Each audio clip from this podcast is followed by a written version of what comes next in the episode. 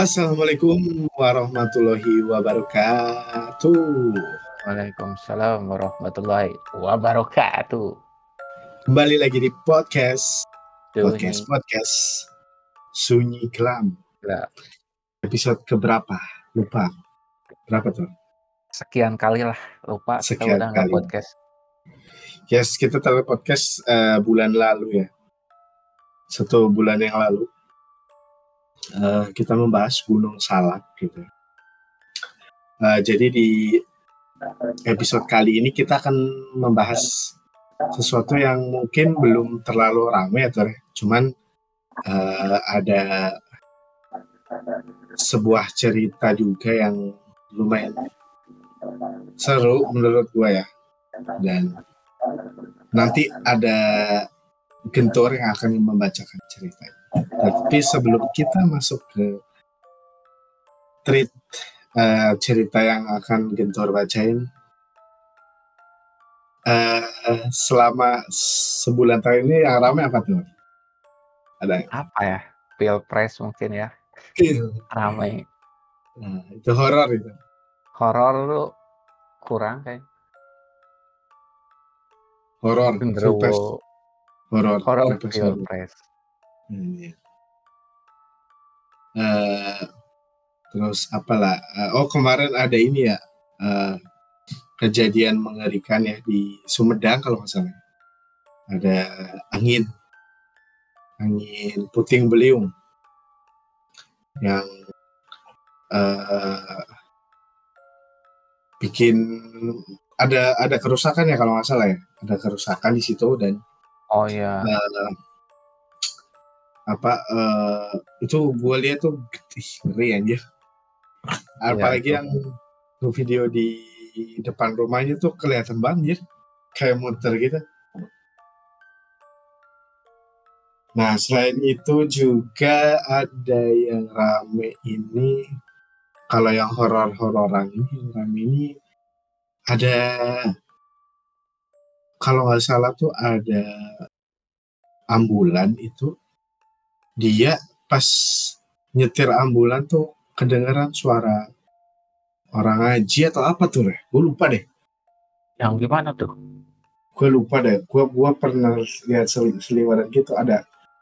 Pokoknya pas bawa ambulan si petugas itu jadi ngerekam gitu kan jalan. Terus ada kedengaran suara eh, cewek gitu lagi ngaji atau lagi apa gitu. Tapi dia tuh di ambulan tuh sendirian gitu loh Oh lagi nangis kali. nangis apa ngaji ya? Nangis kali ya? Ngaji. Nangis. hmm. Lagi nangis.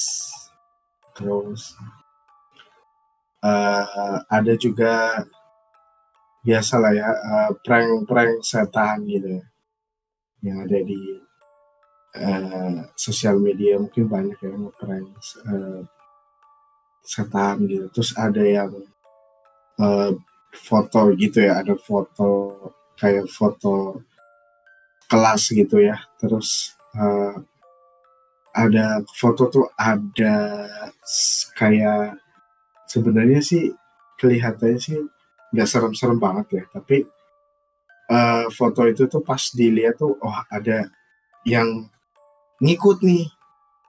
Padahal di situ tuh nggak ada nggak ada apa nggak ada temennya tuh kayak gitu gitu.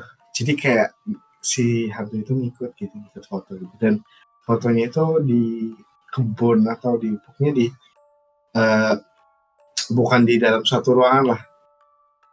Nah itu juga. Itu mungkin entah benar atau kan sekarang kan udah zaman edit edit canggih ya.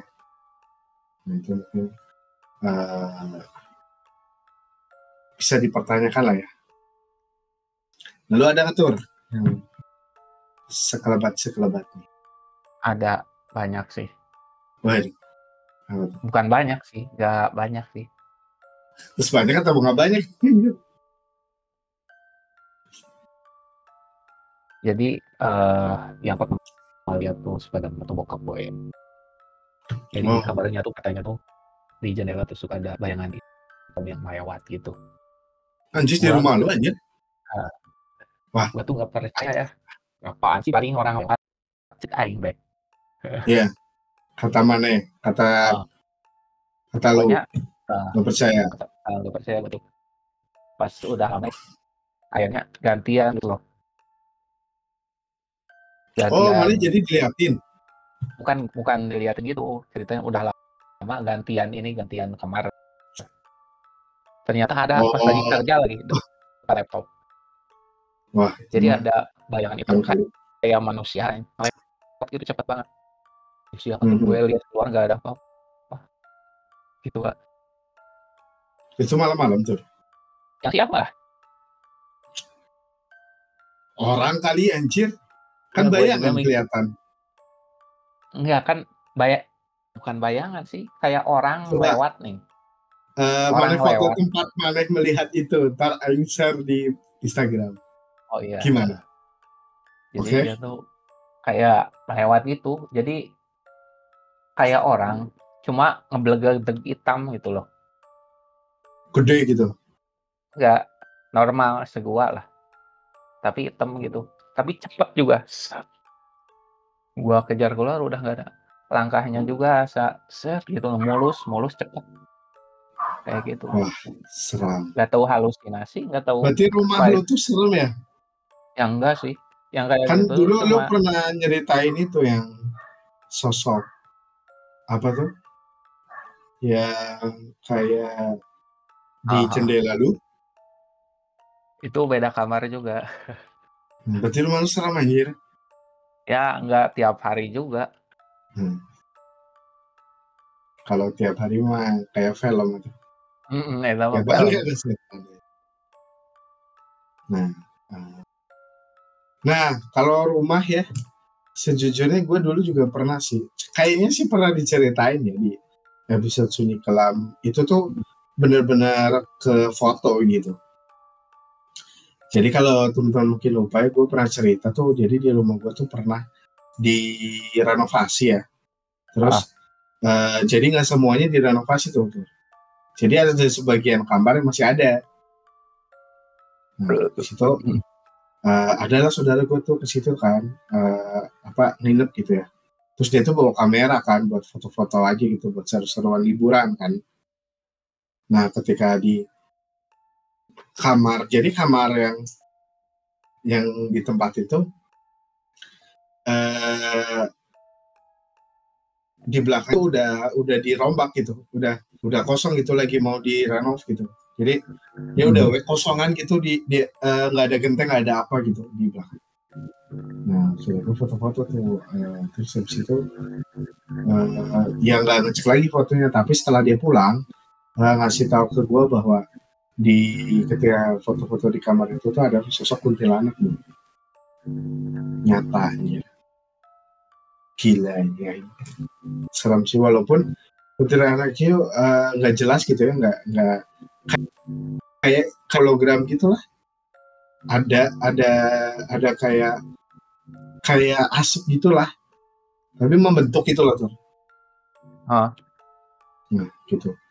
Tuh kalau ya, tapi kalau penampakannya kayak gentur apa liatin sih nggak pernah ya. Tapi itu yang ketangkap kamera tuh ada. Dan fotonya sih udah udah nggak ada ya.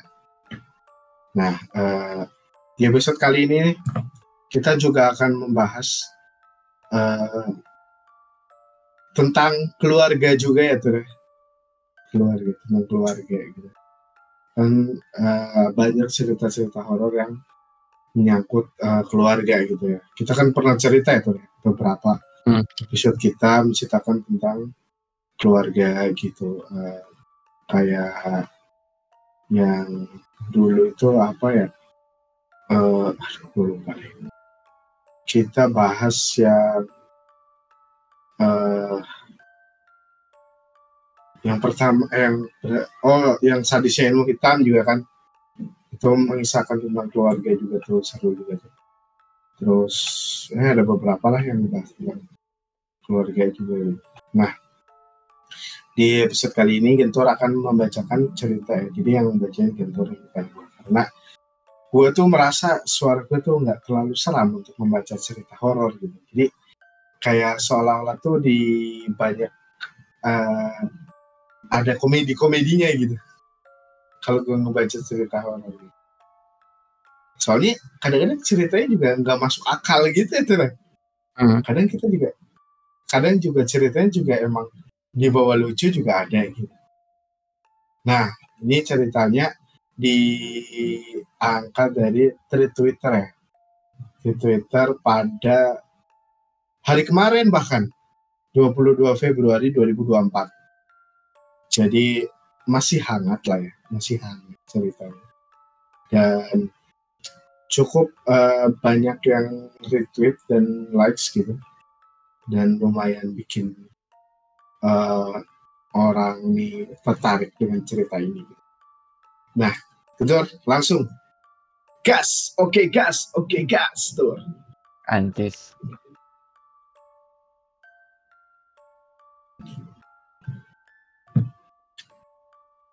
Ya, oke okay, teman-teman kita mulai aja ya. Jadi hari ini tuh ceritanya tuh ngakunya sih kisahnya pak ya guys. Cuma ya agak agak aneh gitu. Jadi ceritanya itu dia tuh nembak tubuh suatu genderuwo, guys. Iya. Aneh gak tuh? Nembak Memang, pakai apa anjir? Nah, pake... itu gue, gue belum Nembaknya baca gini tuh. anjir. Uh, halo genderuwo. Uh. Aku tuh suka sama kamu, aku boleh jadi pacar kamu nggak? Gitu kali. Bucin genderuwo itu namanya, guys. nembak, nembak. ya, ya, ya, oke, okay, lanjut. lanjut lanjut. Jadi ya agak aneh sih ya ceritanya. Jadi kan biasanya makhluk tak kasat mata itu atau makhluk gaib itu tidak tersentuh ya. Cuman ini ya anggaplah saja itu nyata ya. Nah ceritanya itu kayak gini guys. Jadi di sini juga katanya dalam ceritanya itu ada korbannya. Korbannya juga sampai meninggal guys. Nah, Nah, uh, saya sarankan untuk tidak membaca sendiri, mendengarkan sendirian ya. Nah, ini awal uh,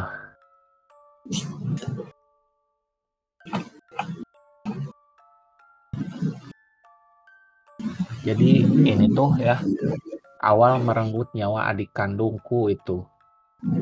Uh, gue dan ayah gue sangat hobi berburu hewan di malam hari ya pakai senapan angin. Oh, jadi dia nembaknya pakai senapan angin, guys. Dan buat penerangan kita pakai lampu belor katanya yang pakai aki mobil. Jadi penerangannya pakai belor aki mobil. Nah, he nyarinya hewan tuh di persawahan dan kadang sampai hutan juga. Itu pada malam hari saja. Kalau siang pekerjaan di wisata, nah, di suatu wisata lah ya sambil cari rumput dan pakan ternak sapi perah.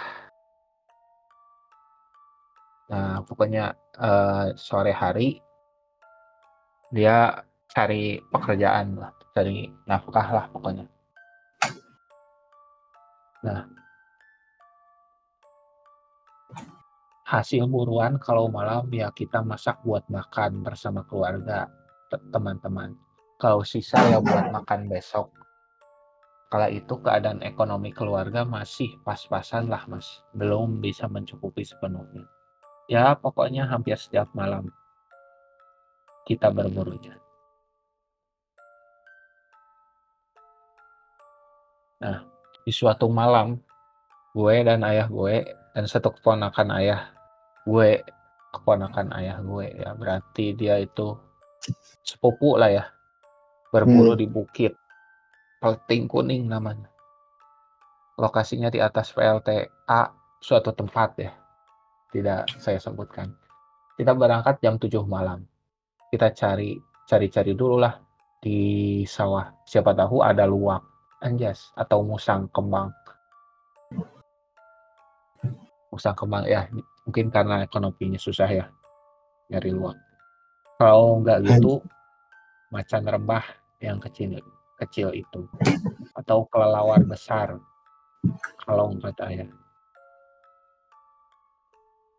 Kata ayahku pada keponakannya Oh iya Mas, kita hidupkan dulu lampunya sambil jongkok. Karena aki mobil kan berat Mas, digendong, lalu sama keponakan ayah, gue diturunkan aki itu sambil dodok nyambung kabelnya dan bagian dan bagian gua bawa sajam ya, buat sajam buat nyari berburu ya, berburu hewan. Tali dan karung dan tombak. Waktu kabel udah tersambung otomatis langsung nyala tuh. Itu nggak sengaja atau gimana lampu itu langsung nyorot ke arah semak-semak. Oh jadi nggak sengaja pas nyalain nyorot ke semak-semak dan di situ ada Hmm. pergerakan yang besar. Nah, sontak kami bertiga semangat mas. Wah, ono lewan gede iki. Apa tuh artinya? Apa ono apa? Ono lewan gede iki. Lewan Ono. apaan? Lewan gak tahu nih. Gitu ayo cepat-cepat dang Ada gendong ada belok. apa gitu? Ada apa gitu lah. Oh, oke, Ada gitu. sesuatu lah ya. Ayo cepet-cepet gendong. Ya, belor, belor itu lampunya. Sampai pola-pola engkau melayu. Oh, sampai dia itu berlari-lari. Oh, berlari-lari. hewan. Heeh. Hewan, coy. Oh, hewan. Hewan. Jadi ketika dia nyorot tuh langsung lihat ada pergerakan lah. Biasanya kan di semak-semak tuh gerak tuh. Gerak berarti ada hewan gitu. Hmm. Nah, waktu itu saya bertiga ya berangkat masih hujan rintik-rintik, belum terang 100% lah. Nah, waktu keponakan ayah gue udah siap, dia jalan duluan mas, agak ngendap-ngendap sambil lampu itu tetap nyorot objek yang bergerak-gerak tersebut. Wes ye, ojo ngomong ae. Oh, udah jangan ngomong terus. Intinya jangan berisik. Nantinya kalau gue bunyi set berhenti. Setelah itu kami bertiga jalan ke depan. Jadi urutannya paling depan itu ponakan ayah gue ayah terus gue paling belakang. Setelah maju sekitar 20 meter dari objek tersebut keponakan ayah gue berbisik mas tak delok tak delok eh toko sebelah kanan. Mas tolong eh, lihatkan sebelah kanan Terus ayah gue ngangguk, tapi diam. Gue dan ayah gue berhenti dengan posisi senapan sudah mengarahkan ke objek tersebut. Bila mana terlihat hewannya, ayah langsung dor, gitu. Sedangkan gue memegang tombak. Nah, jaga-jaga kalau hewan tersebut meronta-ronta atau menyerang balik. Nah, di situ eh keponakan ayah gue yang bawa lampu tadi bilang, Mas, Mas, panggil ayah gue. Mas, Mas. Oh, jadi ponakannya tuh manggil ayahnya. Sebelah kene, Mas. Sebelah sini, Mas. Ketok genah. Hewani. Apa sih? Ketok. Ketok genah. Kelihatan Oh, oh. bagus hewannya. Oh kelihatan bagus hewannya. Itu pas hewan buruan yang Kelihatan jelas, jelas. Oh, oh, oh. Itu hewan buruan yang kita cari mas. Itu nama Hmm. hewannya rase atau luwak, luwak kembang, yang warnanya belang putih dan itu lumayan besar mas. Ya seneng Jackpot. dong. Oh, jackpot. Baru berangkat nyalain lampu, langsung ditunjukin hewan segede itu. Mungkin pikiran kita bertiga sama. Wah, cukup ini kalau dimasak untuk tiga hari. Gua lihat ekspresi wajah ayah dan keponakan itu sangat bersemangat dan penuh berharap. Tapi setelah aku tahu itu hewannya, pikiran dan perasaan gue mulai tidak enak. Meski bercampur senang juga, itu hewan terlihat ekornya saja hampir sebesar kaki orang dewasa. Anjas. Jadi ekornya gede banget, coy. Loh mas, Eee, itu tidak wajar. Sampai keringat dingin keluar. Sambil pegang tombak buat jaga-jaga. Karena saya standby di tempat saya dan ayahku ikut ponakannya. Di posisinya tidak lama itu terdengar suara "cuup", suara senapan angin, tapi dikasih peredam suara. Wah, kena iki pikir saya. Setelah dengar suara tembakan itu, ponakan ayahku langsung beranjak kayak terkejut dan heran, sambil lari mengejar hewan tersebut bersama ayahku. Di situ aku sontak kayak nggak bisa bergerak, Mas. Entah ketegangan atau gimana ya, sampai ayahku teriak, "Ayo ayo, lapo anteng dek kuno." "Eh, jangan di sana terus, ke sana," katanya, sambil lari mengejar hewan itu. Sontak aku tersandar, Mas, langsung ikut lari mengejar, eee, mengejar mereka ya.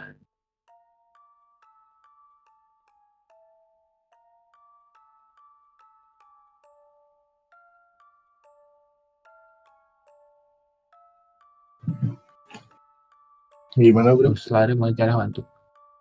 Maksudnya itu mengejar itu, Mas. Ayah dan keponakannya itu kayak kebingungan nyari hewan tersebut. Padahal hewan tersebut lari dari gerom gerombolan semak sedikit di tengah tanaman warga. Di situ kan banyak orang kampung. Namanya lodenan amas. Itu yang ditanami singkong, cabe, tanaman-tanaman sayuran lainnya. Waktu itu di tempat itu bersih, Mas. Kayaknya habis dipanen di situ singkongnya. Singkongnya jadikan bersih. Itu tempatnya, tapi itu di situ titik ada segerombol semak-semak dan barongan pring, Mas. Barongan pring jadi kumpulan bambu kali Bambu. ya. Mhm. Yoi. Tapi tapi nggak begitu hebat, cuma sedikit. Logikanya kalau hewan lari ke situ, terus lari keluar, pasti ketahuan, Mas. Itu dicari di semak-semak itu bertiga sampai ditebas semua sama ayahku. "Kene yo celurit teh." "Oh, sini kan, eee, parangnya, babat teh biar gua babatin ini, bersihin si, eee, semak-semaknya." Ayah minta sajam sama aku, dan yang bau kan yang bawa gue itu di semak-semak, dibabat abis sama ayah gua. Nah. Eee, barongan Bahasanya anjir, pusing anjir gua baca. Heeh. Iya. Barongan. Jadi, eee, kumpulan bambu ya, jadi dapuran bambu itu juga ditebas, si rerumputannya ditebas, tapi ayahnya tuh tetep nggak nemu. Terus gua nyeletuk. Paling ono balongane ya dek sekitaran kono. Oh, jadi paling ada lubang di sekitaran sana. Sambil disingkap-singkap bekas tebasan itu, sambil marah-marah, tapi nggak ada lubang sama sekali sekitaran itu. Nah, kalau di situ kan agak banyak tanaman-tanaman lain, kayak pisang, alpukat, durian, salak, dan lain-lain. Belum selesai kami bertiga mencari-cari di situ, Mas, terdengar suara ketawa. Agak jarang gitu, Mas, ketawanya. "He he he he." Di situ kami kaget bukan main. Malam-malam kok ada yang ketawa, tapi ketawanya aneh. Terus sama keponakan ayah yang bawa penerangan dicari, Mas, sumber suaranya, dan kami fokus ke cahaya yang diarahkan ke mana-mana itu. Ke mana sumber suaranya. Baru dicari-cari nggak lama lampu itu nyorot ke sebuah pohon pisang, yang nggak jauh dari kami bertiga. Di situ ada Mbak Kun-kun ya. Anjay, sedang kun duduk. kun. Heeh, Mbak Kun-kun yang sedang duduk di daun pisang katanya. Anjas, duduknya aja di daun pisang, guys. Sambil ketawa dan melotot. Melototi kami bertiga. Sontak, gua teriak, "Woi, opo ke?" Dan ponakan ayahku juga teriak, "Woh, Janco, opo iki, Mas?" Bilang ke ayah. Lah, gue jalan mundur sedikit-sedikit sama keponakan ayahku bersua mundur-mundur. Ayahku teriak mas sambil ngacungin itu celuri ke arah Mbak Kun Kun itu sambil ngomong, "Oh, pedes. Wong gerang diwedeni." Si Anget. Gentur orang Sunda ngomong Jawa lucu aja.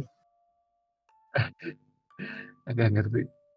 Angetmu wedi. Ini untuk pilih tak bacok apa tak bedil dasmu. Oh, sini. Anjir, Mau dibacok atau dibedil lo, Mbak Kun Kun. ditembak anjir. Eh, Gila anjir.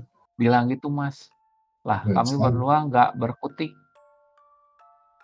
Nggak berkutik katanya. Waktu itu sambil nyorotin itu Mbak Kun Kun. Di situ eh ayah gue ngomong lagi. Lek gak ngondang ngaleh tak bedil tenan dasmu. Timbang lumbuh ngono ke. Bo diiwangi golek buruan iki. Cek nggak mulai. Tahu nggak Oh, sih? kayaknya. Apaan? Apaan artinya? Jadi kan di situ eh, ayahnya yang ceritain ini kan ngomong Heeh. lek gak lek gak ndang ngaleh tak bedil tenan dasmu kalau nggak pergi-pergi eh, akan ditembak nih kepalanya Oh, iya, iya. daripada duduk timbang lungguh eh ngunu ke mbok diiwangi kole buruan jadi daripada kuntilanak ini kuntilanaknya ini duduk doang. Eh mending eh ikut bantuin nyari Ih, buruan gitu. Ayo kunti lu daripada duduk doang. Ayo ikut gua nih. Anjir kata gua sama iya, Lanjut, sa- heeh.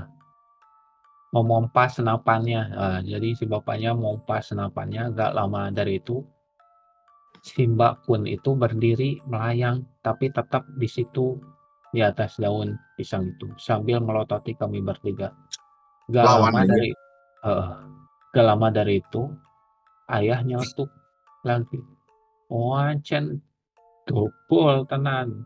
Oke, sambil ngarahin senapannya ke si Mbak Kun Kun itu. Belum sempat ditembakkan, si Mbak Kun itu melayang sambil ketawa. Keras banget. Ketawanya keras banget sambil melayang. Sampai di telinga itu nyaring. Setelah itu ayah mutusin isyarat di situ mas sambil nungguin. Istirahat. kalau istirahat aja istirahat istirahat istirahat aja mutusin istirahat, ya istirahat anjing. anjir Bangsu. Aduh, pusing anjir gue liat ini agak ini sih sambil nungguin typo-typo ya siapa tahu terlihat lagi tadi luaknya sambil ngedumel ayah gua ngeluarin merokok sama minum air. Nah ayah gue ngomong ke gua Dio ngombene ngelak ayah. Oh mana airnya? Gua haus kata si bapaknya tuh. Anjir juga ya? terus tak keluarin itu air minum dan kami bertiga minum semua. Ya ngombe-ngombe ngombe sambil ngos-ngosan kan sambil sport jantung juga. Di situ ayah gua sama keponakan ngeluarin rokok sambil ngobrol kecil-kecil lah mas. Istirahat. Terus keponakan ayah nyeletuk. Dino opo iki mas? Ketandang ae wes diweden jadi hari apa ini mas? Udah di takuti aja ini. Terus ayahku nyaut biasanya lek diwedeni iki ate oleh rezeki full biasanya biasanya kalau ditakuti ini mau dapat rezeki ayahku manggil ponakannya dengan sebutan cebol. Terus gua nyautin, "Mariki golek endi ya?" "Mriki sekarang mau nyari di mana?" "Wes mriki langsung ngulon, eee, ya udah kita ke barat aja, arah desa Sedaun." Gitu bilangnya. Gak lama dari situ terdengar suara kresek-kresek gak jauh dari kami. Duduk gak jauh dari kami duduk. Itu penerangan masih menyala. Kami kaget, wah ini jangan-jangan hewan.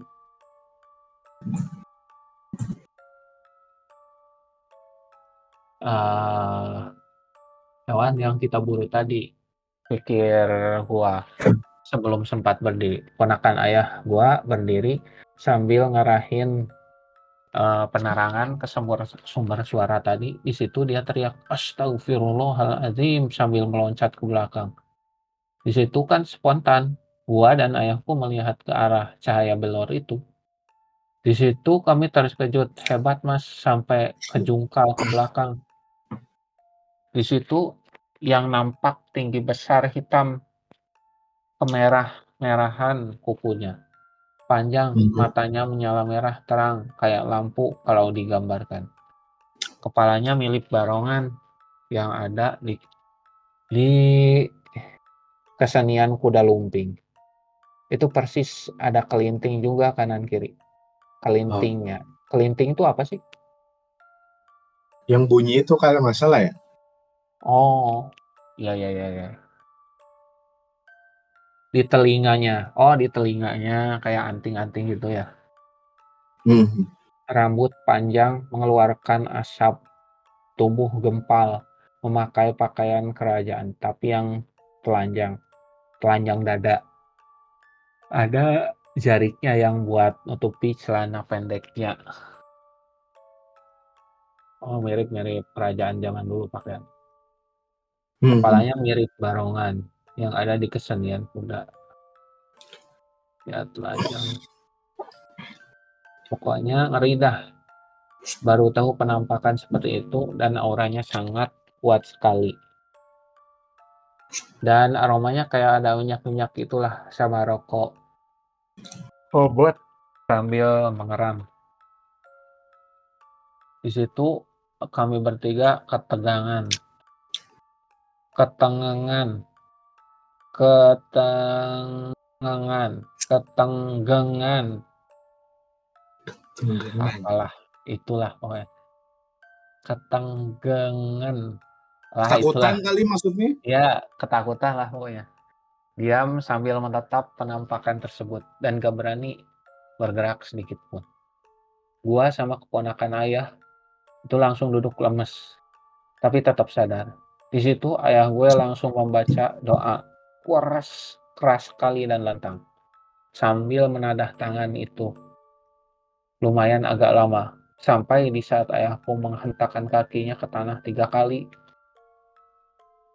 Nah, di situ sosok itu mulai agak pudar-pudar samar, hilang diba dibarengi sama apa ini? Nggak nyambung ya? Heeh. Ya udah lanjut aja. Ayahku ngajak kami berdua untuk pulang sambil ngomong, "Iki ono sing gak bener, ini ada yang gak bener." Setelah itu kami kemas-kemas pulang. Setelah di perjalanan tidak ada satu patah kata pun yang terucap dari kami bertiga. "Batuk aja enggak, Mas?" "Oh, batuk aja tidak," gitu. Pokoknya Itu kan bahasa Indonesia aja kenapa dibalikin aja? Oh iya. Ya udah, pokoknya diam sampai di rumah dah. Di situ kita bersih-bersih diri, mandi terus duduk-duduk bentar. Sambil eee, gua buatkan kopi untuk kita bertiga. Kami kayak orang linglung waktu itu, berkecamuk dengan pikiran masing-masing. Sambil minum kopi, gak lama dari itu tercium bau yang sama seperti sosok tadi di hutan. Tapi gak lama baunya, cuma sekilas lalu hilang. sampai ayahku keluar rumah sambil bawa garam dan berdoa. Nah.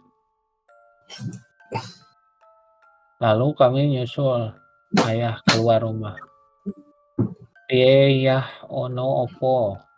Oh, gimana ya? Ada apa? Saya bilang gitu, ayah gua menjawab, koyoe ngetut no mole. Jadi kayaknya dia apalah. Lu nggak tahu, gue juga nggak tahu. Sumpah. Tapi Wes Gano itu, oh gitulah pokoknya. Di situ perasaan perasaan gua udah nggak enak. Wah ada apa lagi ini? Terus garam yang tadi didoain ayah disebarkan di sekeliling rumah sama atapnya juga. Habis itu ayahku ngomong, Oke, oke. ini Jadi, nanti bo heeh. ini garam garam kasar ini dikenal bisa sebagai pe me nolak bala ya, biar Iya, nggak ada yang penolak gangguin lagi gitu ya? Iya, penolak negatif, hawa negatif. Betul. Heeh. Nah, terus eee, si ayahnya tuh berpesan loh. "Iki nanti nggak boleh ada yang tidur ya, sampai siang." "Siap, Mas," kata keponakan Sam sampai terang? Ya, sampai terang, sampai siang maksudnya kan, sampai kan ini Ya malam-malam. enggak, anjir pagi juga bisa Iya, terang, sampai pagi. Anjir. Maksud dan gua juga ngangguk. Setelah itu ayah gua nyuruh gua sama keponakannya untuk ke belakang rumah. Suruh sambil kayu bakar ambil kayu bakar sama garam kasar 1 siwor. Alat yang buat mandi itu kan di rumah sedia 1 sak garam kasar. Buat campuran minum sapi perah. Eee, setelah ambil kayu, lalu kami bawa ke depan rumah. Agak sebelah sedikit agak sebelah dikit. Kalau kami disuruh buat api unggun kecil setelah menyala eee kami bertiga menghangatkan diri di situ sambil minum kopi. Dan semalam itu kami di luar rumah, sampai keponakan ayah mau bilang pulang, tapi minta dianterin ayah gua, sampai nggak kesampaian. Soalnya bilangnya berbisik ke aku. Nah, di situ ayahku mungkin denger. "Ojo muli saiki, awake sek diawasi. Jangan pulang sekarang. Ya, kamu itu sedang diawasi." Nah, di situ yang awalnya suasana sudah agak mendingan, kembali mencekam lagi setelah ayah bilang gitu. Di situ kalau umumnya di kampung kan kalau malam pasti ada suara belalang, jangkrik, atau hewan malam-malam lah. Tapi waktu itu aneh, jangankan hewan bunyi, angin pun tak berhembus. Senyap, gelap, mencekam, bisa bayangin waktu malam itu merinding sepanjang malam. Eee, dari situ awal sebabnya sampai merenggut nyawa adik kandungku katanya. Innalillahi. Innalillahi. Setelah kejadian itu, gua dan ayah gua berhenti beberapa hari tidak berburu, kurang lebih 2 mingguan. Gak lama dari itu, adik gua jatuh sakit, Mas. Gua tuh 3 bersaudara laki-laki semua. Dulu adikku yang nomor 2 itu sakit. Nomor 2 sakit, sakitnya sih wajar, sariawan di mulut. Setelah dibuatkan jamu beberapa kali, gak sembuh, tapi tetap maksa sekolah dianya. Dia masih 3 SD dan jarak rumah sama sekolah itu sekitar 1 kilometer. Nah, eee, kan dulu umum ya sekolah jalan kaki rame-rame. Di situ, Mas, setelah beberapa hari sariawan, adekku itu nggak kunjung sembuh, malah bertambah sakit gigi, sampai dibawa ke puskesmas juga malah tambah parah sakit giginya, sampai ia izin tidak masuk sekolah karena sakit tersebut. Karena beberapa hari nggak masuk sekolah.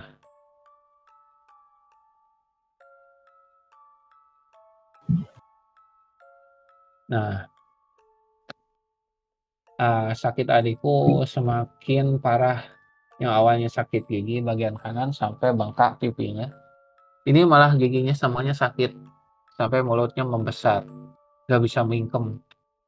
Obat dokter sudah nggak ada hasil. Sampai ke orang pintar dia bilang kalau sawanan atau dibayang-bayangi makhluk halus.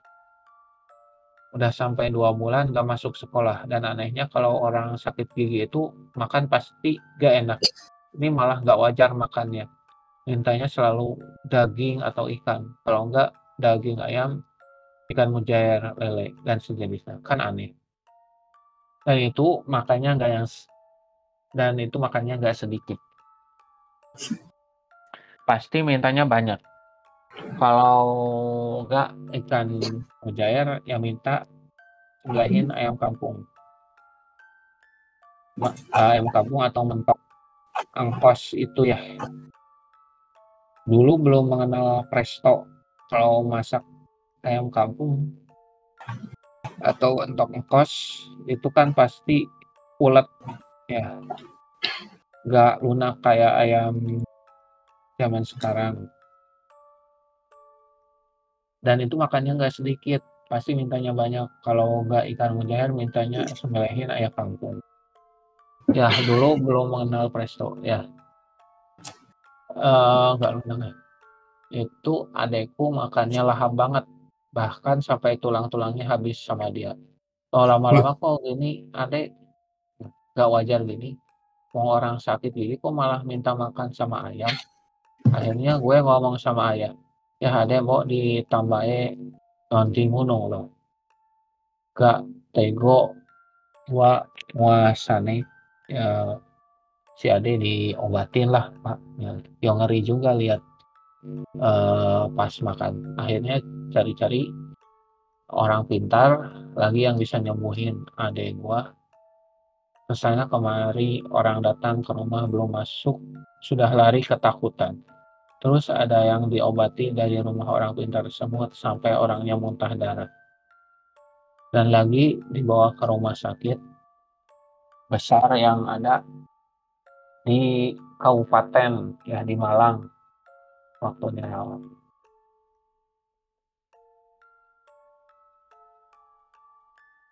uh, sampai geleng-geleng kepala Dokter pun sampai geleng-geleng kepala mau disuntik berapa kali. Jarum suntik gak bisa nembus kulit adekku. Uh, selalu patah, patah sampai sama ayah gue dibacain doa juga tetap gak bisa. Akhirnya ayah pulang minta bantuan ke orang pintar lagi. Terus dibawain air minum dari orang pintar tersebut. Nah, dari orang pintar tersebut setelah diminumkan beberapa saat, baru bisa dimasuki jarum suntik dan bisa diinfus. Tapi di situ pas dokter mau masukin jarum suntik sampai mau diinfus itu ekspresi wajah adekku kayak menyeringai gitu sambil menatap ke dokter. Dengan tatapan mata yang tajam sampai dokter itu pergi begidik ngeri.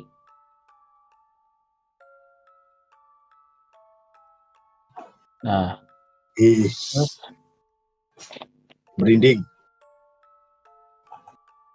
Uh, terus terus. Itu kejadian awal tahun 2007 pas di mana hmm. adikku mulai sakit. Dan pertengahan 2008 meninggal dunia. Nah.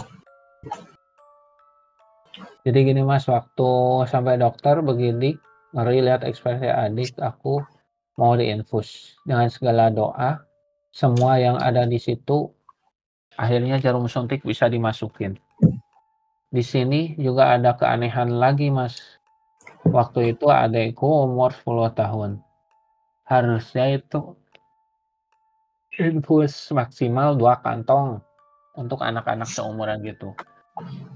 Ini enggak. Dalam waktu semalam ya bisa habis 5 sampai 8 kantong infus. Oh, terlalu ini gede ngelontorinnya itu perawatnya ya. Nah, kan selang infus ada alat untuk mempercepat lambatnya laju infus, laju infusnya. ini mintanya adik gua yang besar ngalirnya infus itu. Kalau waktu ada kontrolan susternya cek pasien kan dinormalkan lagi. Ya Mas, itu adekku meringis kesakitan sampai gue bertengkar sama suster tersebut karena dosis infus itu itu pun kalau susternya selesai ngecek infus keluar itu. Jadi dia tengkar pokoknya mah dia di Hmm. dibesarin lagi pas si susternya keluar gitu. Oh. Nah, infus itu infus itu habis kan darah keluar dari selang infus. Di situ adekku teriak kesakitan. Itu menjadi selama dua minggu berturut-turut dirawat di RS tersebut. Sampai keluargaku minta izin agar pemberian infus jangan sampai telat. Dengan penuh pertimbangan yang ulat, akhirnya rumah sakit menyetujuinya. Dan selama dirawat, adekku kalau pagi hari sampai menjelang maghrib itu dia lemes, pucat, keluar keringat dingin, menggigil dia setelah maghrib adekku seolah-olah tidak merasakan sakit kayak orang sehat. Dan di situ setelah maghrib adekku pasti minta makan dan lauknya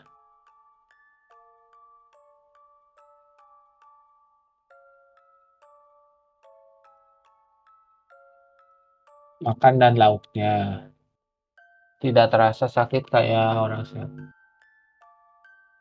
Eh,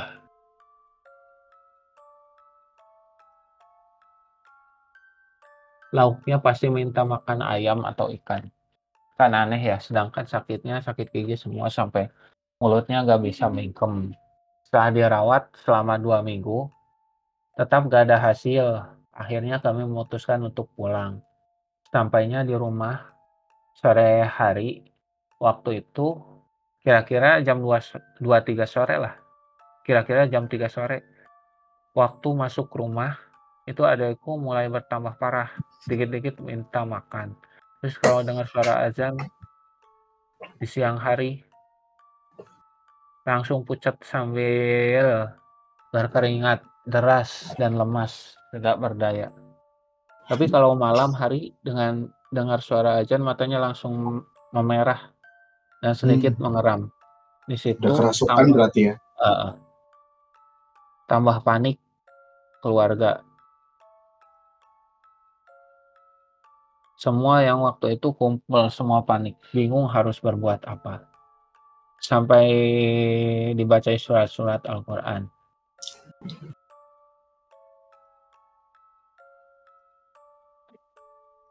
Uh,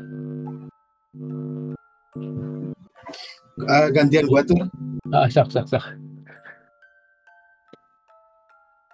Oke, jadi eh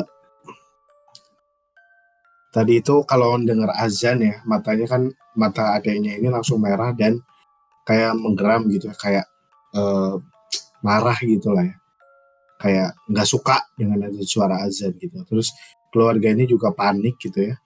Terus eh keluarga yang lain saudara juga ikut kumpul gitu panik. Karena nggak tahu harus ber- berbuat apa gitu selain eh, sambil baca dibacain surat juga. Nah, ketika dibacain Al-Quran juga marah juga ya tuh menggeram Ah. gitu.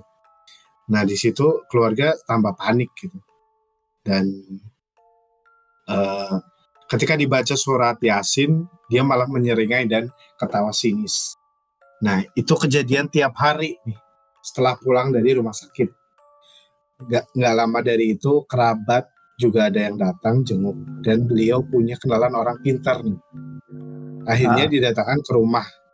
Pas orang tersebut masuk rumah mengucapkan salam adek adeknya eh, si yang ngirim cerita ini eh, tadinya rileks sambil tiduran langsung bangun dan teriak gitu.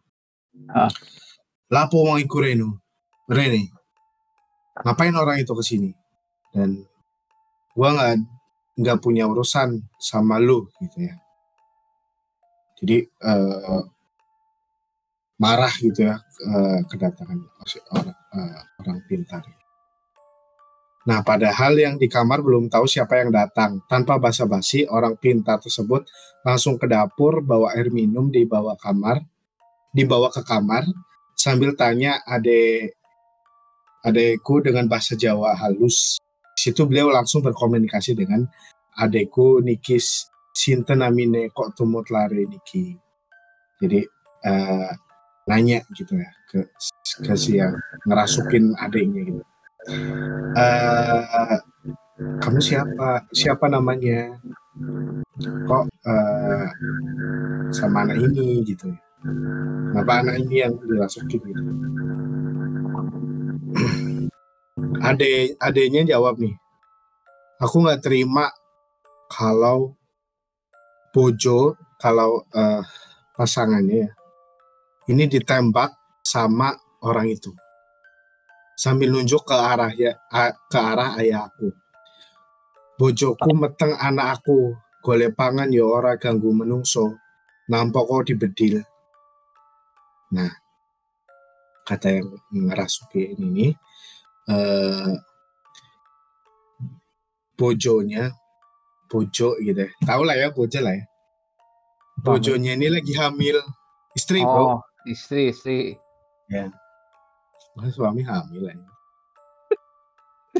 uh, istrinya lagi hamil, lagi nyari makanan, nggak lagi mengganggu manusia. Kenapa ditembak gitu? Orang pintar tersebut jawab, nggih, lara niki mboten salah, kok ditumut-tumutaken adekku. Jadi si adek ini nggak salah kenapa yang kena malah adeknya gitu. Wes kaiso piye bocah piye-piye bocah iki tetap takowo. Jadi pengen bawa si adenya ini ke dunianya kali ya. Jadi. Uh. Di situ Mas orang pintar tersebut langsung bilang, "Geh, pun lek ngoten menawi kula tindak kasar kale panjenengan pun ngersulung ya." Jadi kayak minta maaf ke si uh, makhluknya gitu kalau uh, saya punya salah atau kasar pas ngomong ini eh, apa minta maaf gitu. Soalnya jenengan kulo kan medal wangsul api-api kok mboten purun.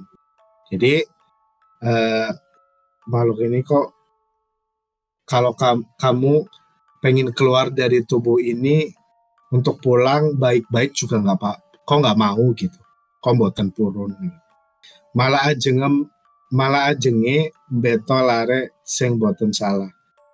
Malah uh, ngambil anak yang nggak salah apa apa nggak nggak cuma jadi tum, tumbal yang salah sasaran aja gitu. Sambil meminum air yang dibawa lalu diminum gak lama itu langsung disembur adekku sekujur tubuhnya sampai tersisa air satu gelas tersebut sampai TL tersisa air satu apa TL ya? sampai tersisa air satu kelas tersebut pokoknya setelah itu mas uh, adekku langsung lunglai dan tak sadarkan diri. Misal terus lalu orang pintar tersebut keluar sambil bawa garam satu baskom yang entah itu dikasih minyak apa kok uh, warna garamnya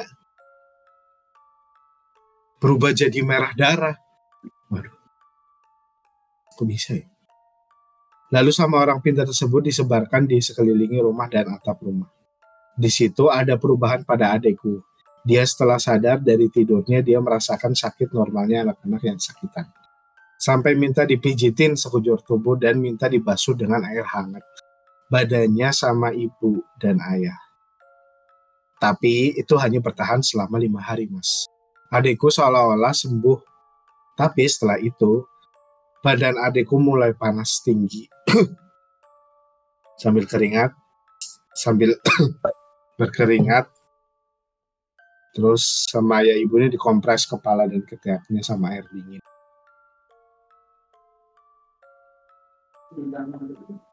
Terus uh, ya pokoknya berusaha lah ya gimana caranya. Ntar gue minum dulu. gimana caranya uh, si Ade ini kembali sehat gitu.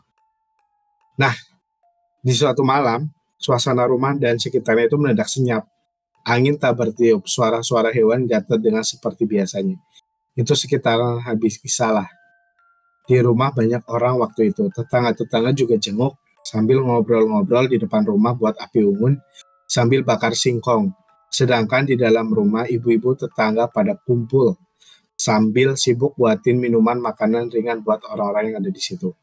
Semua kerabat juga pada kumpul gitu. Di situ gak lama ada suara petasan di atas rumah suaranya lumayan keras di, di, di situ mas anehnya yang dengar malah orang-orang yang di dalam jadi yang dengar tuh yang lagi pada di dalam rumah yang di luar tuh yang lagi pada kumpul tuh nggak pada dengar gitu akhirnya yang di dalam rumah panik dan minta tolong sama orang yang ada di luar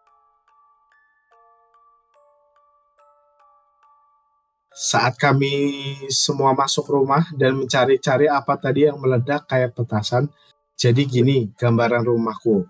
Itu rumah baru dibangun mas. baru dibangun mas. Bukan dibangun emas ya. Ini orang ngomongnya ada ada kata ini mas ini. Ntar dibangun emas lagi nyikannya. Gitu. Tembok juga masih dipelur dan belum dicat. Itu atap juga belum ada plafonnya. Kalau rumah dulu tuh kan di salah satu ganti rumahnya kan ada yang diganti dengan kaca biar cahaya bisa masuk dan rumah tidak gelap kalau siang hari. Nah, di situ kenting yang di kenting. Kenting apa? Gak tahu. Genteng kali. Iya, genteng. Genting apa? Masa genting yang diganti dengan kaca itu? Genting apa? Gua nggak tahu sih. Gak tahu lah, lewat aja dulu. ya. Kebetulan pas di atas kamar adekku itu semua orang yang ada di dalam melihat semua. Jadi di atas genting kaca tersebut awalnya terlintas seperti cahaya merah. Dan kayak ada yang berjalan di atas genting. Kalau rumah gak ada plafonnya kan biasanya biasanya lihat kalau ada yang jalan di atas genting jadi kayak tembus kelihatan ya. Uh, sedikit genting yang sedikit bergerak itu itu terjadi cukup lama mas. Kayak lari ke arah belakang rumah. Lalu kembali ke depan berulang-ulang sampai sebagian tetangga keluar untuk ngecek. Tapi anehnya orang-orang yang di luar tidak melihat apa-apa. Cuma mereka merasa bulu kuduk. Uh, mereka berdiri semua gitu. Itu kejadian belum terlalu malam. Aku ingat betul, itu sekitar jam 8 malam. Sampai yang di luar tadi sebagian orang lari masuk. Dan bilang di luar gak ada apa-apa. Hmm. Wah, berarti uh, suasananya chaos banget ya di situ ya, berarti ya. Uh. Tapi mereka juga bilang kalau di luar suasananya sepi mencekam.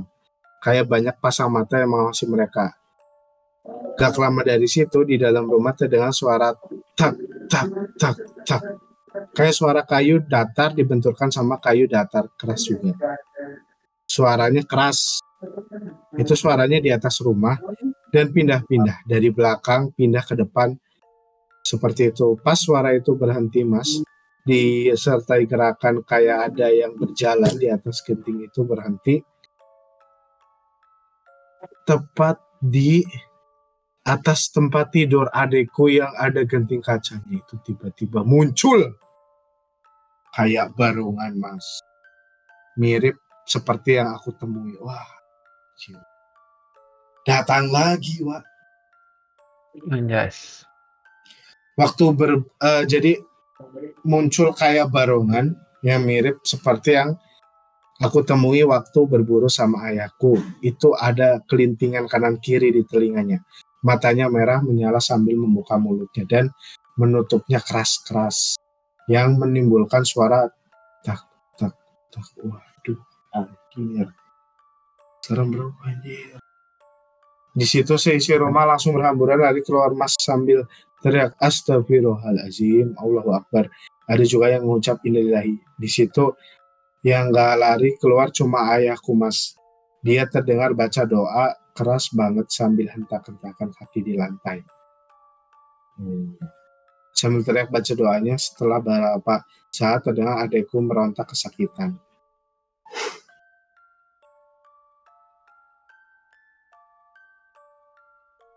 terus uh, dan kami uh, yang ada di luar Sebagian kembali dalam ke dalam rumah termasuk aku. Sebagian tetap di luar sambil baca-baca doa sebisa mereka. Pas kami masuk ke rumah, kami sudah mendapati ayahku duduk tersimpu sambil mandi, kering, mandi keringat dan wajah pucatnya. Akhirnya ditolong sama orang-orang dan ditanya apa yang sedang terjadi? Dan ayahku menjelaskan kalau dirinya seolah-olah ditindih. Sesuatu yang sangat besar dan berat sampai dia tersusuk lemas apa nih terduduk kali ya? Sampai beliau terduduk lemas sambil ngos-ngosan. Setelah beberapa saat suasana mulai tenang ibu-ibu tetangga memutuskan untuk pulang sebagian. Sebagian ikut terjaga di rumah sama bersama kerabat-kerabat yang lain sampai subuh tiba. Dan mereka berpamitan pulang setelah kejadian itu adekku mulai lemas dan uh, merintih pelan-pelan dan gak mau ditinggal sama ayahku, mintanya didampingi terus. Bahkan untuk mandi dan atau bersih-bersih diri, ayahku sampai gak sempat. Beliau sampai ngumpet-ngumpet hanya untuk sekedar cuci muka gitu. Jadi ada yang tuh pengen ditemenin terus sama ayahnya takut gitu ya. Beliau uh, bahkan uh, untuk cuci muka doang nih sampai ngumpet-ngumpet gitu. Tiap hari gitu ya, seperti itu dan gak mau digantikan orang lain yang menjaga aku. Mintanya ayah terus, bahkan aku, ibu, nenek, bude, pakde mau menggantikan sebentar saja adekku nangis gak mau ditinggal ayah. Nah, jadi kayak pasti ada hubungannya lah ya dengan uh, sosok yang tadi muncul gitu. Setelah beberapa hari ada kerabat lagi yang ngabari kalau di kota Blitar pelosok ada seorang kiai. Gitu yang punya pondok pesantren itu katanya bisa mengobati orang-orang ketempelan atau guna-guna gitu. Tanpa banyak basa-basi, langsung ayah ibu dan kerabat tersebut langsung berangkat ke sana esok hari, di ke Blitar. Nah, aku suruh jaga di rumah sama keponakan ayahku dan juga ditemani teman-teman ayah dan tetangga.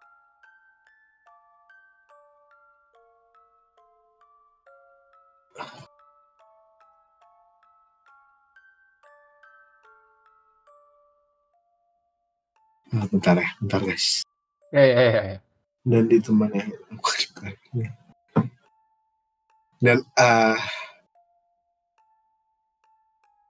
terus kemudian uh, adek nggak ikut pulang katanya suruh tinggal oh jadi ketika uh, sudah sampai Blitar gitu ya jadi uh, mereka mereka ini uh, nyampe di berita terus adanya ini nggak usah pulang gitu. Maksudnya nggak usah pulang ke nggak usah balik lagi ke eh, tempat tinggalnya itu. Katanya disuruh tinggal di sana gitu di Blitar selama 10 hari dan gak boleh dijenguk sama keluarga yang lain. Yang diperbolehkan jauh hanyalah ayah saja Berhubung naluri seorang ibu mungkin cemas dengan keadaan anaknya di sana. Ibunya kayak cemas. Tapi soalnya nggak boleh nggak boleh ketemu gitu. Dan akhirnya ya karena cemas gitu memutuskan uh, ikut jenguk gitu. Hmm. Itu pun ke sananya sudah yang ketiga kalinya menjenguk. Ibuku baru diperbolehkan ayah untuk ikut. Gak lama setelah itu ayah pulang sendiri. Itu malam sekitar jam 9 malam ayahku sampai rumah. Aku di aku nanya ibu mana ya? Terus uh, adik gimana? Ayah cuma jawab yo ibu kari ibu kari kono. Iki ayah ate marani pademu tak kon gowo mobil jemput ademu karo ibu ndek kono. Tapi di situ ekspresi ayah aneh mas. Kayak orang bimbang dan cemas. Setelah itu kami yang ada di rumah istirahat sama ayah. Mungkin ayah juga nggak tega. Eh, nggak uh, tega. Uh, sama yang bantu-bantuin juga kayak tetangganya kan ikut di rumahnya gitu ya jaga rumahnya takut ada apa-apa terus uh, sambil begadang gitu jadi kayak nggak tega tapi tetangga-tetangga ini sangat uh, menjunjung tinggi uh, solidaritas antar tetangga gitu ya. Jadi tetap ikut menjaga, ikut mengawal dan sampai begadang-begadang gitu. Ronda ya mungkin ya. Kan kantian. Akhirnya aku dan ayahku istirahat di ruang tamu. Besok paginya sudah ada mobil di depan rumah. Ternyata itu mobil Pak Ade yang mau jemput adik dan ibu di kota Blitar. Tapi aku dilarang ikut sama ayah, suruh jaga rumah dan kasih pakan ternak. Akhirnya ayah berangkat sama padeku dan aku memutuskan untuk cari rumput buat pakan ternak. Dibantu sama keponakan ayahku. Setelah itu menjelang maghrib ayah beserta pade, ibu, pak berangkat. Ayah sama sama pade berangkat gitu.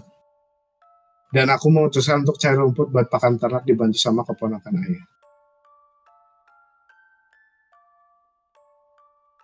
Uh, tetangga-tetangga sekitar yang mengetahui kalau adikku pulang itu langsung berbondong-bondong datang ke rumah untuk nengokin adik.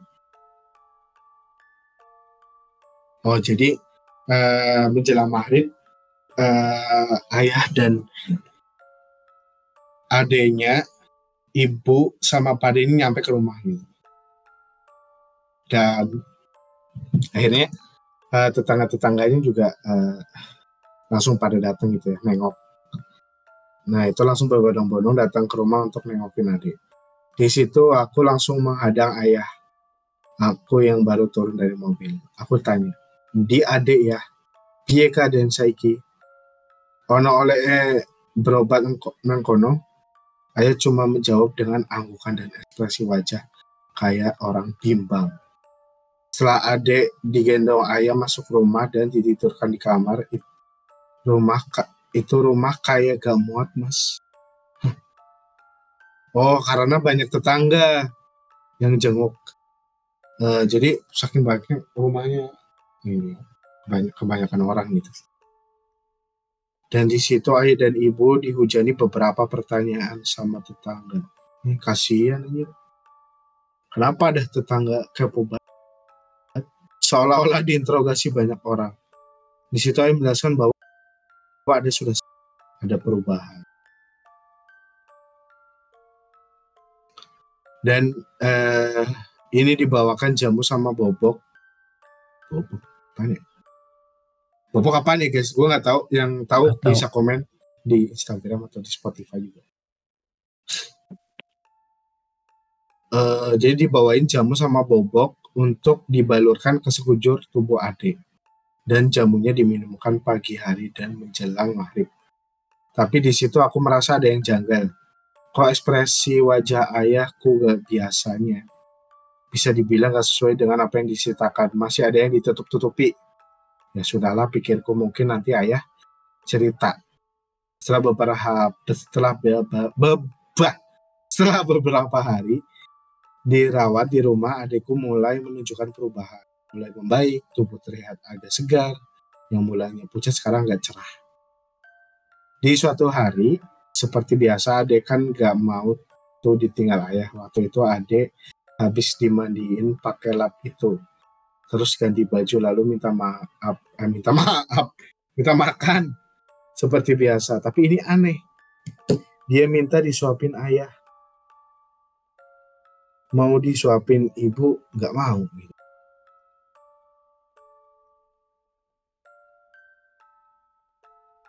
Waktu itu pikiran aku ade udah mulai sehat lah.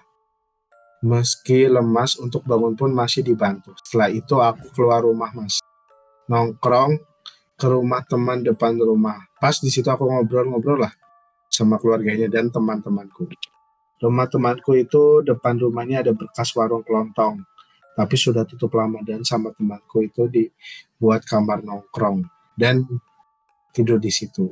Kan di situ ada VCD player dan hmm, sama type yang sambung ada sound system tapi kecil. Katanya sih buat dangdung kalau dangdung kalau lagi kalau gitu sih mas. Gue nggak tahu sih maksudnya kalau lagi galau. Oh buat musikan kali ya?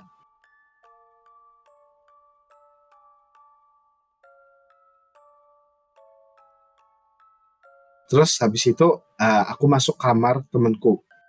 Rencana mau ngedengerin musik sambil tiduran. Itu aku ingat betul mas. Kalau harinya aku sedikit lupa. Itu hari Sabtu. Kalau nggak salah apa Kamis gitu. Tapi jamnya aku ingat betul. Itu jamnya jam 2 siang. Lebih 20 menit. Wah, detail banget ya. Baru aja mau aktifin saklar stop kontak yang buat VCD, type dan sound system, aku mendengar suara teriakan ayahku. Waduh. Sontak aku langsung lari keluar kamar disertai ibu, temanku dan temanku juga. Tanpa pedulikan sendal, kami lari menuju rumahku di ruang tengah, di mana adikku sudah di pangku ayahku sambil berbisik ya. Aku gak kuat ya, aku gak kuat. Tapi ekspresi adikku datar tanpa menunjukkan rasa sakit. Oh. Di situ aku baru tahu seumur-umur ayahku menangis sambil dipeluk ayah bilang, Enggak, dek, kamu kuat. Kamu sembuh nanti. Nanti kamu sembuh. Kalau sembuh, akan aku sunat. Terus sampai sunat tahu nggak mana? Sunat naon, Wak? Sunat, Sunat titit. hmm, betul. Jadi kalau misalkan adanya udah sembuh, nanti sama ayahnya, ayo kita sunat. Gitu. Oh, ha, ha, ha. Terus eh, ayahnya ngomong lagi nih. Terus nanti adek kalau udah sunat pengen ditanggapna apa? Tang tanggapna tuh, duh apa ya kayak nanggap kayak eh, pengen hiburan apa gitulah. Hiburan apa gitu ya? Iya. Pokoknya kamu harus sehat. Gitu. Di situ tanpa aku sadar air mataku jatuh. Tubuhku lemas dan ibu temanku itu juga langsung nangis. Temanku juga. Waktu itu ibu lagi keluar beli keperluan dapur buat sajian nanti malam kalau ada tetangga-tetangga yang jenguk. Di rumah waktu itu cuma ada ibu teman aku dan teman aku. Terus ada ayah dan adik. Gak lama ayah bilang itu tadi ke adik. Itu tiba-tiba di perut adik muncul benjolan bercahaya merah. Anjir. Bercahaya merah, bro. Cahaya merah. Dan juga Sontak kami semua yang ada di situ kaget. Itu apa? Tapi pas aku melihat ayahku, ayah cuma meng- menggenggam erat tubuh adikku sambil nangis. Ya? Terus eh, ayah sambil membaca istighfar berulang-ulang. Kami semua melihat benjolan bercahaya di perut adek itu jalan. Anjir. Apaan ya? Penjualannya binatang jalan. mungkin. Kayak kayak orang disantet, Bro. Oh, Iya sih. oh, santai tuh. Benar-benar. Kalau orang disantet kayak gitu ya, kayak ada benjolan jalan-jalan gitu kan. Gue pernah lihat sih di di film sih, ada sih kayak gitu aja. Kayak mungkin bayangan gue seperti itu ya, kayak jalan terus bercahaya, berarti nembus ya. Berarti be- benar-benar cahaya kan di dalam perut anjir. Gimana sih? Terus eh, benjolan bercahaya ini naik turun naik turun di perut adekku berulang-ulang mas. Kami semua gak bisa berbuat apa-apa. Melihat kejadian itu dan situasinya aduh gak bisa dijelasin lah. Kami semua yang ada di situ diem gitu. Gak berkutik melihat kejadian itu. Tak lama benjolan itu bergerak-gerak di perut adekku. Lalu bergerak ke dada. Ih, Buset. Santet itu. Dan tapi bukan santet bro kan genderuwo anjir tadi. Gimana sih? Oh, oh. Kan sama-sama pakai jin, Wak. Ya tapi kan bukan orang yang nyuruh jin, Oh cuma iya. jin sendiri aja. Beda dong. Berarti inisiatif itu jin ya. Ya kan marah kata di gara-gara Oh. ditembak. Nah lalu uh, menjalani gerak sampai ke dada dan adekku membuka mulut dan adiknya meninggal. Ih, merinding gua anjir. Di situ nangis, tangis dan teriakan ayahku. Semua yang ada di situ pecah. Nangis. Merinding gua coy. Merinding gua betul, bener. Semua nangis sejadi-jadinya. Bahkan ayahku sampai pingsan berkali-kali sambil memeluk tubuh adikku dan juga diperbolehkan orang lain itu adik. Bisa bayangkan situasi saat itu, shock, kaget, kasihan, gak percaya, campur adek lah perasaan. Setelah beberapa saat, ayah ditenangkan sama tetangga-tetangga dan juga kerabat, baru bisa dilepas pelukan ayah ke adik. Itu semua tetangga-tetangga kerabat semua yang ada di situ. Dan yang baru datang tidak ada satupun yang tidak menangis. Karena gini, sosok adikku itu sopan, sama siapa saja, mudah bergaul, selalu lebih uh, santun gitu ya kalau ketemu yang lebih tua. Wah sangat sangat ini sekali ya, sangat terpukul sekali bahkan tetangga-tetangga ini juga gitu ya. Nah setelah uh, setelah ayah sadar nih dia pingsan gitu ya dan menerima kalau ade ini sudah meninggal di situ baru bisa dilepas pelukan ayah dan ada dibaringkan di kamar sambil diikat dagu, tangan, dan kakinya di situ. Gak langsung dimandikan. Di sisi lain, waktu juga sudah sore. Di sisi lain mungkin sanak keluarga biar puas memandangi adikku untuk terakhir kalinya.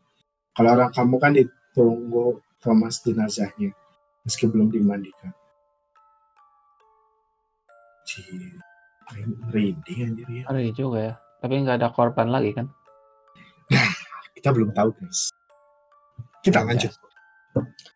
Sambil santai aja kali ya kayak tegang ya. banget. Soalnya guys agak serem sih kalau menceritakan uh, walaupun kita sering menceritakan penampakan gitu. Tapi kalau yang udah menyangkut nyawa mah ah, seremnya tuh berlatus kali lipat akhir kata gue. Benar tuh? Ah. Nah, kita lanjut. Nah, pas sudah malam nih, sekitar jam 10, ya sekitar kita ngetek ini jam 10-an. Terus sebagian tetangga-tetangga pada balik pulang. Rumah sudah sepi. Dan di situ aku duduk di sebelah jenazah adik aku. Sama temanku juga, keponakan ayah aku juga. Itu semua menghadap jenazah. Kalau kata orang tua, dulu kalau jenazah kita duduk membelakanginya katanya kurang sopan atau bisa digentayangi. Katanya eh, pas lagi duduk sambil nangis menghadap jenazah adik aku, aku dengar suara kretek kretek kayak ada yang bergerak. Kalau orang dulu kan tempatnya tempat tidurnya terbuat dari kayu dan beralaskan bambu sama tikar. Kalau ada yang gerak kan pasti bunyi ya jadi kayak kayak kan kayak pakai eh, tempat tidur yang kayak kayak gitu kan bunyi ya kalau hmm. serak sedikit juga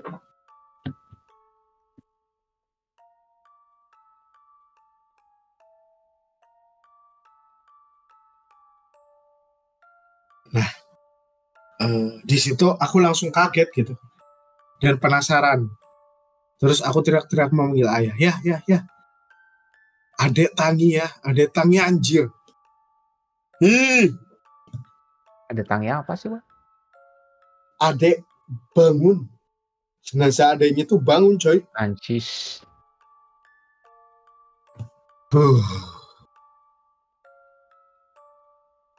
Dan orang-orang bukannya menanggapi perkataan aku, mereka malah kembali nangis semua. Sambil memeluk dan uh, aku tetap bersikeras kalau Ade hidup lagi karena terdengar suara tadi gitu ya.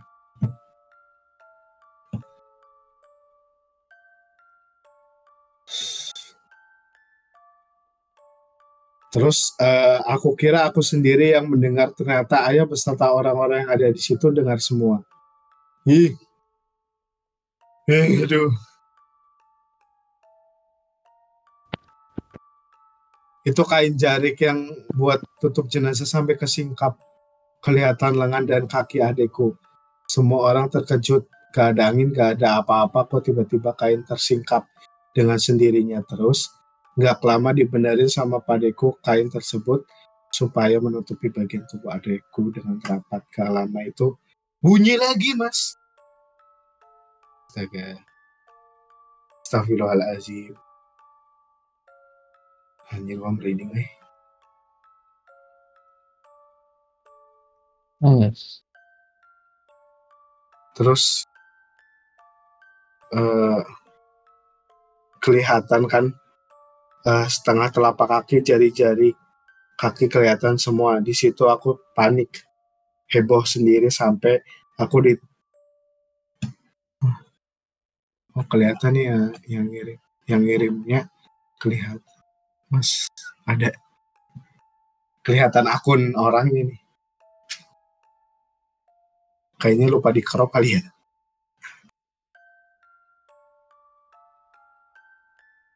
Eh gue jadi eh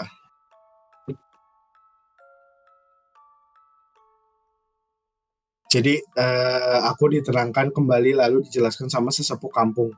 Kalau anak kecil atau remaja yang belum dihitan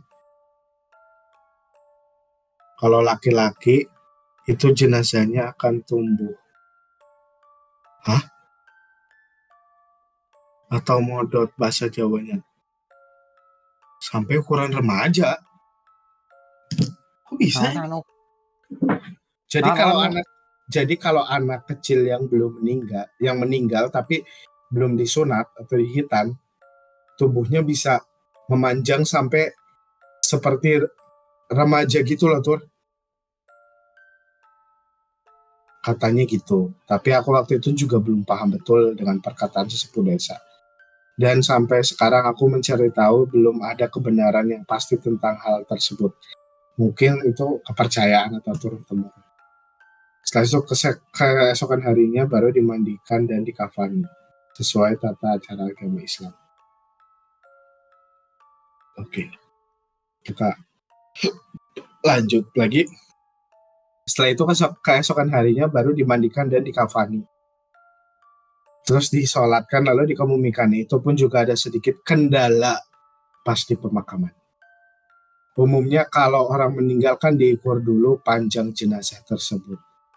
Nah, waktu jenazah adekku mau diturunkan itu gak muat mas lahang liang lahat. Liang lahatnya gak muat cuy. Kok bisa ngegedein? Iya, jenazahnya membesar. Be- Hah? Akhirnya Kok bisa ya? nunggu, nggak tahu. Digedein lagi atuh.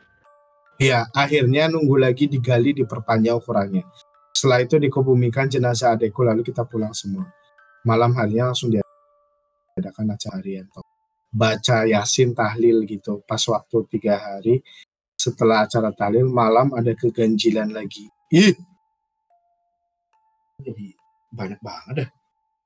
Ada suara cetak-cetak mirip kemarin pas ada penampakan di atas kasur kamar almarhum adekku. Sontak semua kaget bro.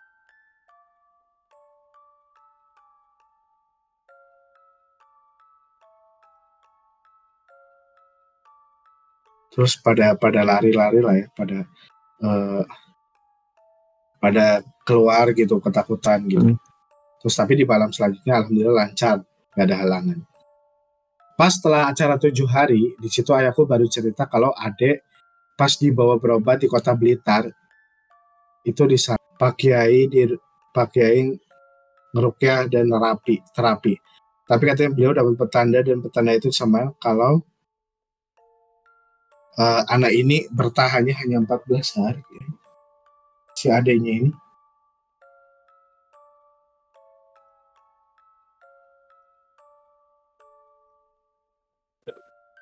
Jadi eh karena si Ade ini memiliki wadah spiritual yang sangat besar sekali kalau dia berada di tangan yang tepat anak ini mampu menaklukkan kerajaan cinta kesulitan. Hah? Jikalau anak ini kuat selama itu, mohon Bapak mengikhlaskan apa pun yang terjadi pada anak ini. Jadi dikasih tahu sama kiainya guys. Jadi Ya. ya, waktu anak Bapak cuma 14 hari aja. Nah, kalau anak ini punya wadah spiritual yang besar dan dia berada di tangan yang tepat, anak ini mampu menaklukkan kerajaan jin. Tapi kalau anak ini nggak kuat, ya mohon maaf gitu. Harus mengikhlaskan apa pun yang terjadi. Nah, setelah ayahku selesai menceritakan itu, tiba-tiba ada angin hangat masuk rumah. Kalau mungkin hembusan angin dingin itu kan, hembusan angin itu kan dingin. Ini ke anginnya panas, rasanya menepat tubuh dan itu dirasakan semua orang yang ada di rumah. Sampai mereka bertanya-tanya, ada apa lagi ini? Harusnya udahlah. Ini eh, udah ada yang meninggal juga gitu. Eh, kasihan sama orang tuanya gitu. Kok masih ada yang aneh-aneh?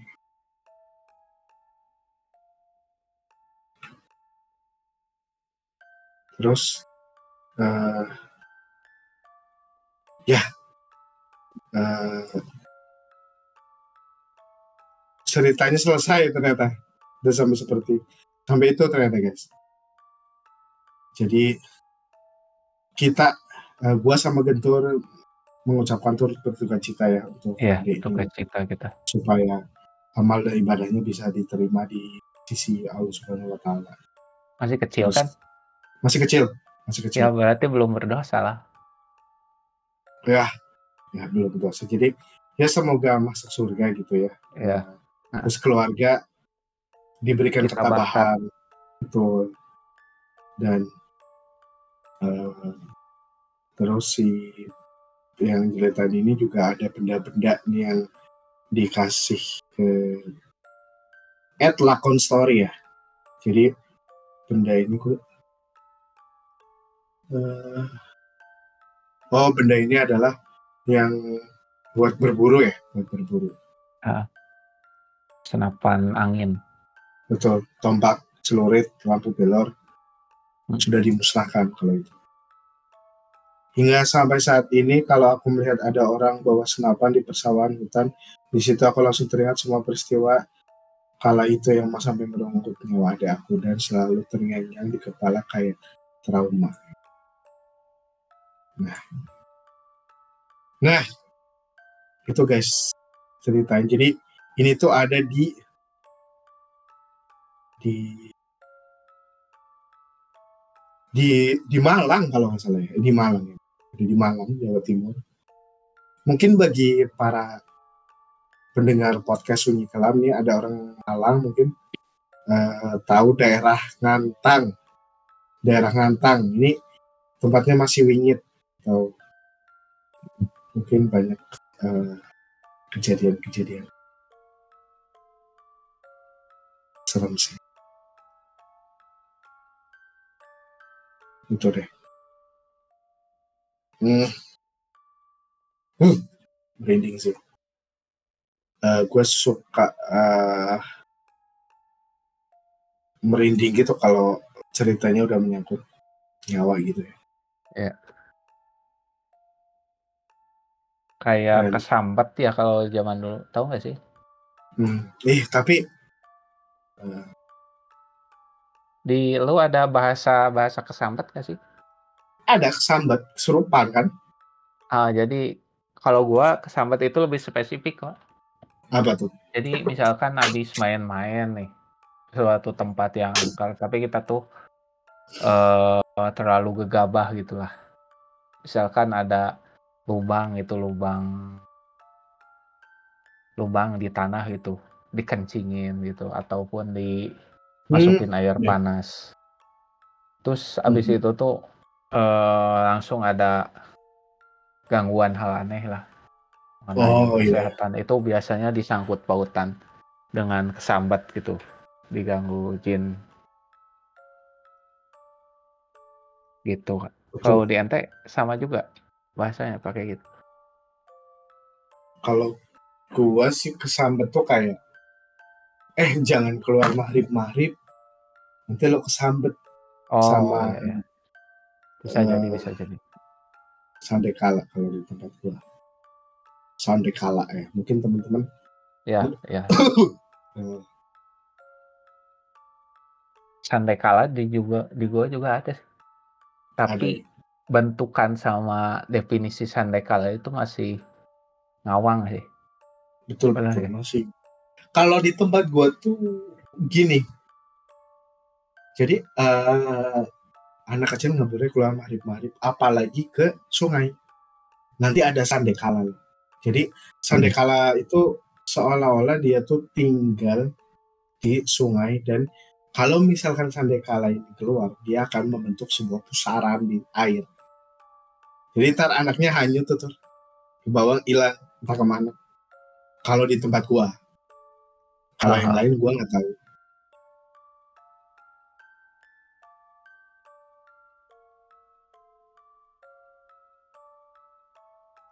Iya sih. Kalau anak kecil kalau mau maghrib ataupun mau waktu sholat kan suka main-main air tuh. Ya, ya, ya di sungai, di sungai tuh. Suka malah main-main. Itu suka dilarang itu kan. Soalnya suka ada hantu air gitu ya. eh Hantu air itu air. atau apa. Jurig cai. itu yang mana pernah cerita yang di waduk itu eh waduk apa bedungan Ya itu waduknya gede sih. Kalau itu mah memang itu jarang hantu air juga kan berarti Heeh, hantu air juga. Cuma kalau anak-anak ke sana sih nggak mungkin sih.